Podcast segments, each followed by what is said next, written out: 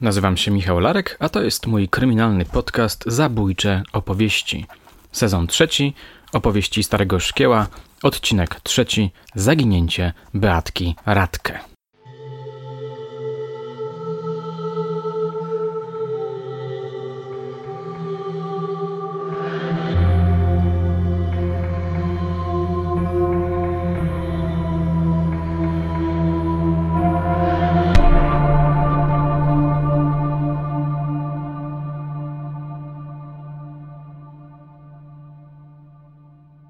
O tej sprawie słyszałem już od dawna, ale jakoś nigdy nie było okazji, żeby się w nią zagłębić. Większość moich znajomych oficerów zaczynała pracę w poznańskiej policji parę lat później. Sposobność nadarzyła się parę tygodni temu podczas spotkania z kapitanem Czechanowskim. W trakcie nagrywania materiałów do niniejszego sezonu mój rozmówca oznajmił, że chciałby przy najbliższej okazji opowiedzieć parę słów o sprawie zaginięcia Beatki Radkę. Ta historia utkwiła mi mocno w pamięci, powiedział w pewnym momencie. Czasami wracam do niej myślami, czasami śni mi się po nocach. Zaintrygowany spojrzałem na kapitana, który mówił dalej, że często wspominają tę sprawę z kolegami podczas swoich firmowych spotkań. Dużo pracy w nią włożyliśmy. Oficer sprawiał wrażenie kogoś, kto próbuje myślami przenieść się do lat 70. Po chwili dodał: Dużo czasu jej poświęciliśmy, dużo potu wylaliśmy. Zanotowałem w zeszcie te krótkie zdania kryjące w sobie uśpione emocje. Kapitan raczej nigdy tak nie komentował prowadzonych przez siebie śledztw. To stonowany, zdystansowany mężczyzna. Byłem więc tym bardziej zaintrygowany. Umówiliśmy się, że kolejna nasza nasiadówka poświęcona zostanie zaginięciu dziewczynki, która pewnego dnia wyszła z domu i nigdy już do niego nie wróciła. Kiedy potem surfowałem po internecie w poszukiwaniu jakichś materiałów na ten temat, znalazłem dokument nakręcony przez TVN parę lat temu. Przyznaję, wywarł na mnie mocne wrażenie. Obejrzyjcie to wideo. Zobaczycie pana Henryka, sędziwego ojca zaginionej Beatki, który cały czas czeka na córkę. Prosiłbym wszystkich, żeby mi pomogli, mówi do kamery. Poruszające, prawda? Tyle lat żywić nadzieję, że ona żyje i może jakimś cudem uda się ją odnaleźć. Ciekawy jestem, czy pan Henryk jeszcze żyje. W tym roku minie 45 lat od tajemniczego zniknięcia jego córki. Czy ktoś kiedyś tę sprawę wyjaśni? Oczywiście nie mam bladego pojęcia. Posłuchajcie.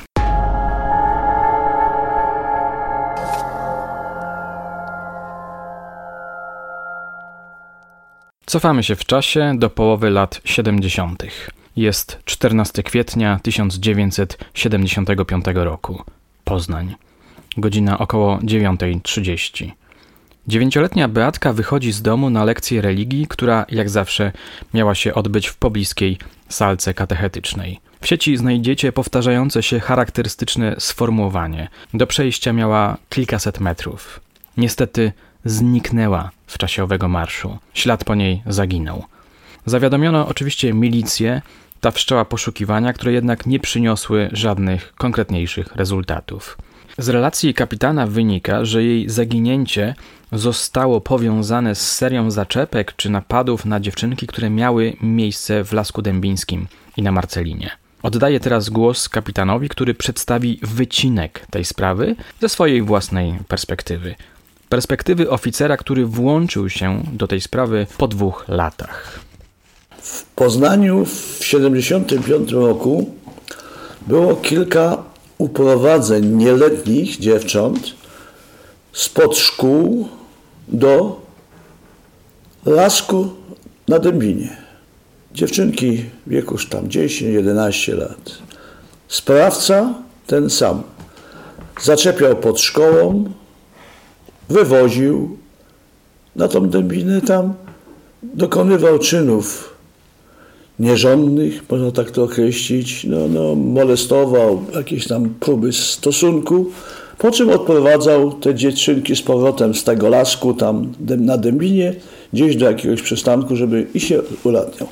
I było tych przypadków kilka, chyba z osiem czy siedem właśnie na Dębinę. Szkoły były różne. I potem były trzy przypadki ze uprowadzenia dziewcząt ze szkoły na swobody. I właśnie na swobody mieszkała, właściwie tyle na swobody, a na takiej ulicy przylegającej do Swobody mieszkała właśnie ta Beata Radke. I tam, tam jest, bo wtedy nie było tam już kości, nie była jeszcze kościoła, jest świętego Jerzego, tylko była kaplica po drugiej stronie ulicy Bukowskiej. Dziewczynka szła rano na lekcję religii. Wyszła z domu, mama ją widziała, ojciec chyba pracował w MPK, jeśli się nie mylę. Szła pościutko, weszła na ulicę tą Swobody i maszerowała w kierunku yy, tej, tej, tej kaplicy. Ostatni raz ją widziano przy sklepie, tam taki blaszak jest, nie wiem czy do tej pory jeszcze jest, tam ją widziano. I w tym momencie zniknęła bez śladu. I to powodowało, że powołano jakąś taką grupę w mieście, która, bo to była jedna dzielnica Gunwa, druga dzielnica yy, Wilda, bo tak, że tam, no i w końcu doszli do wniosku, że, że yy, to jednak jest jeden ten sprawca i po chyba dwóch latach, może od, od tego zaginięcia, bo szukano, szukano, robiono, penetrowano, no nie znaleziono, świadków nie znaleziono.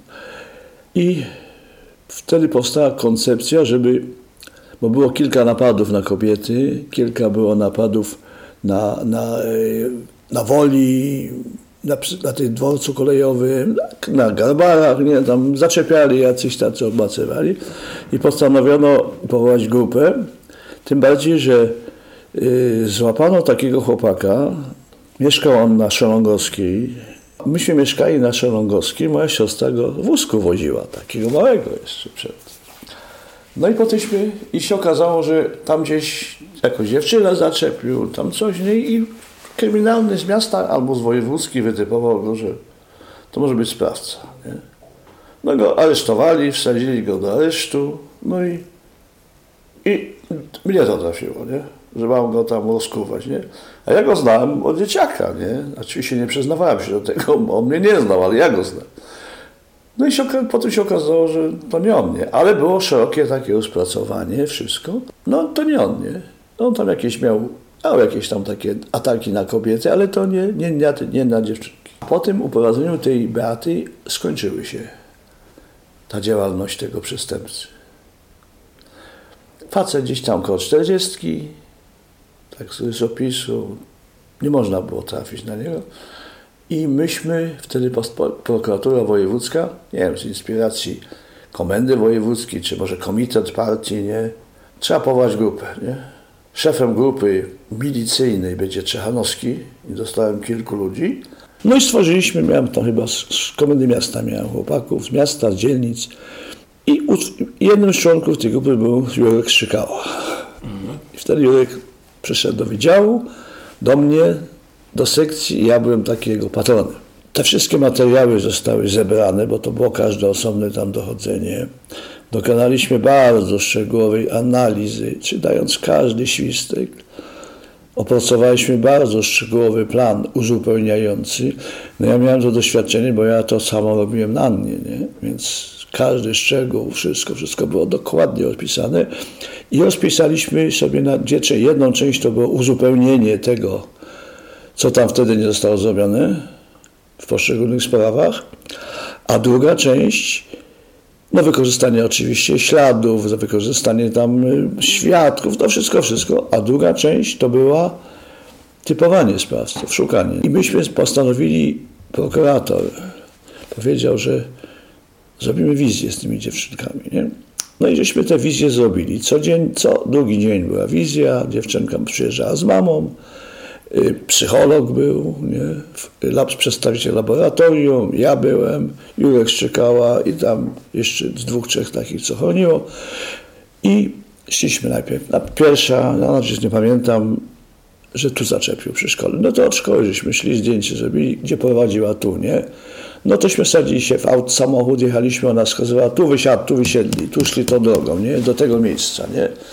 Zdjęcia, wszystko podziękowaliśmy, pięknie tam cukierki, pamiętaśmy, tym dziewczynkom dawali, mamy żeśmy uściskali i tak kolejno wszystkie sprawy. I potem przeszliśmy, jak skończyliśmy na tej Dębinie, to robiliśmy tu na Marcelinie, nie?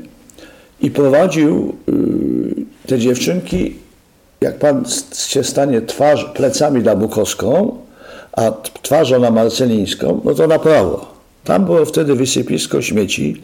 Co chwilę przejeżdżały samochody i wysypywały śmieci. I potem zbudowali tam osiedle, tam jest to osiedle. Takie laski były. I te dwie dziewczynki zaprowadziły nas tam, nie? Że tu i tu. No trzecia już nie zaprowadziła, bo zniknęła, nie? I byliśmy przekonani, że to był ten sam sprawca i być może coś zrobił, że spowodował śmierć tego dziecka. No i nic prostszego. Wrzucił na ten stos śmieci, kopnął nogą, tam takie hałdy były, sypało się, nie? Przyjechały następne wielkie samochody śmieciami, wysypały to i być może kiedyś, jeżeli tam będzie ktoś kiedyś coś, to może znajdą tam kości. No bo nigdzie nie było. Myśmy sprawdzali samochody, myśmy pisali, myśmy pisali te do gazet, apele, nie? Była tam jedna rzecz, że Komenda Miasta dużo rzeczy popsuła, bo oni mieli jakieś takie ambicje, że oni tu, nie? I nawet jeden tam nam trochę popsuł, bo chcieliśmy zdać ogólnopolski komunikat, czy jakiś kierowca, czy ktokolwiek tego dnia był na tej ulicy Swobody w tym rejonie, bo mógł ktoś przypadkowo być. Mógł być ktoś u krewnych, nie? Czy ją, czy ją widział, ale ci się na to nie zgodzili, no myśmy tego nie robili już później, nie? I po zrobieniu tych wszystkich zdjęć, tej, tej wizji, sprawa się, się grupa skończyła działalność, prokuratura to przyjęła, bo miała wszystko zrobione jako śledztwo własne, kryminalny nadal szukał.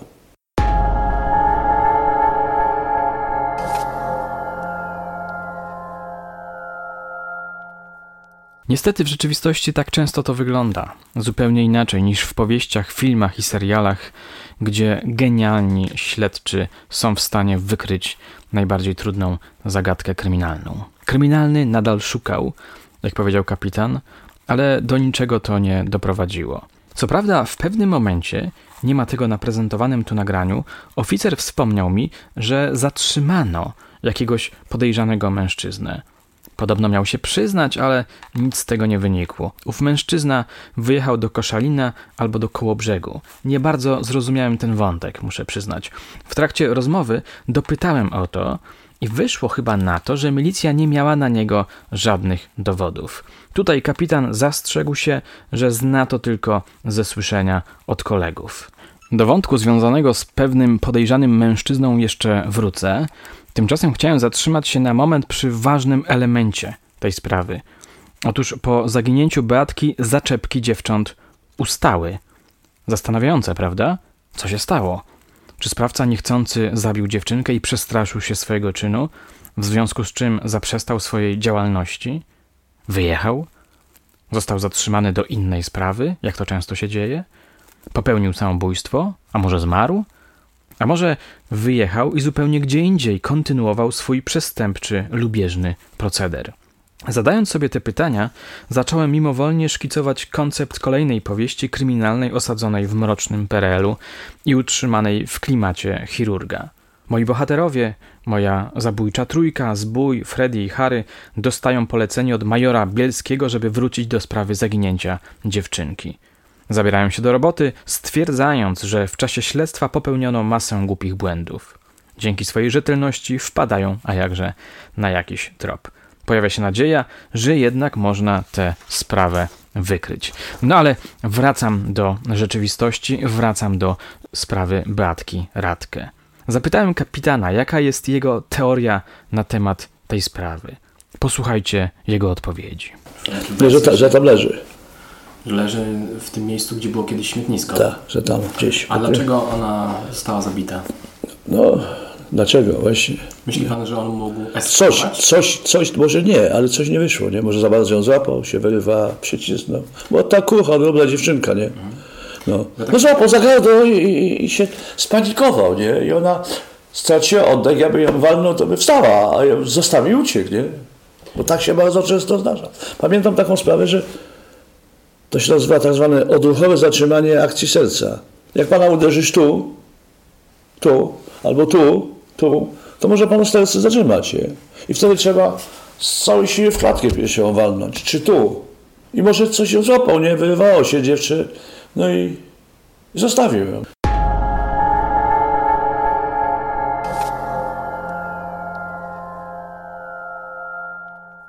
Opowieść kapitana jest dość skrótowa, dlatego jeśli chcecie zagłębić się jeszcze bardziej w tę sprawę, obejrzyjcie dokument produkcji poznańskiej telewizji WTK z serii Tajemnice Poznania. Jest dostępny w sieci. Zawiera kilka emocjonujących momentów. Pojawia się tam czarna wołga. Pojawia się podejrzany z Pucka. To może o nim mówił Czechanowski.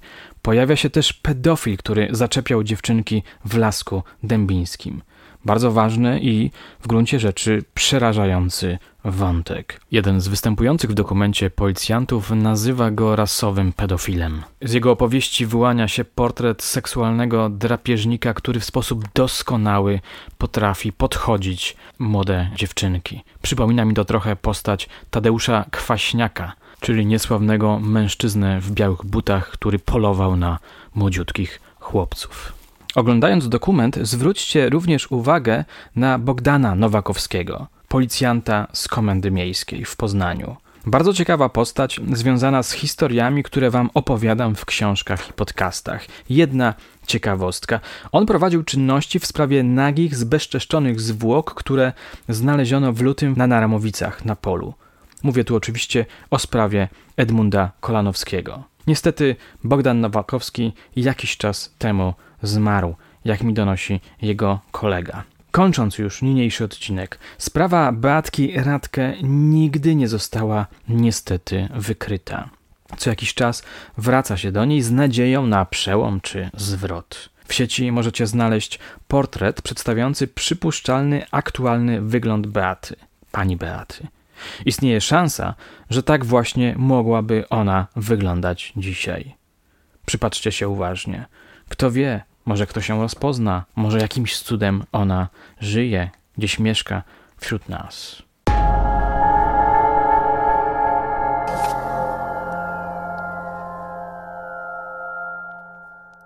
A na dzisiaj to już wszystko. Oczywiście zachęcam Was do lajkowania, komentowania oraz subskrybowania mojego kanału a także do śledzenia moich poczynań na Facebooku i Instagramie. Jeśli chcecie być na bieżąco z moją działalnością, to tam znajdziecie aktualne informacje. A kto wie, może uda komuś się wygrać książkę zatytułowaną Chirurg. A propos, mam nadzieję, że niektórzy z Was już czytają chirurga. Dajcie znać, co myślicie o tej książce. Jestem bardzo ciekawy Waszych wrażeń. A teraz dziękuję za życzliwą uwagę. Do usłyszenia już niebawem.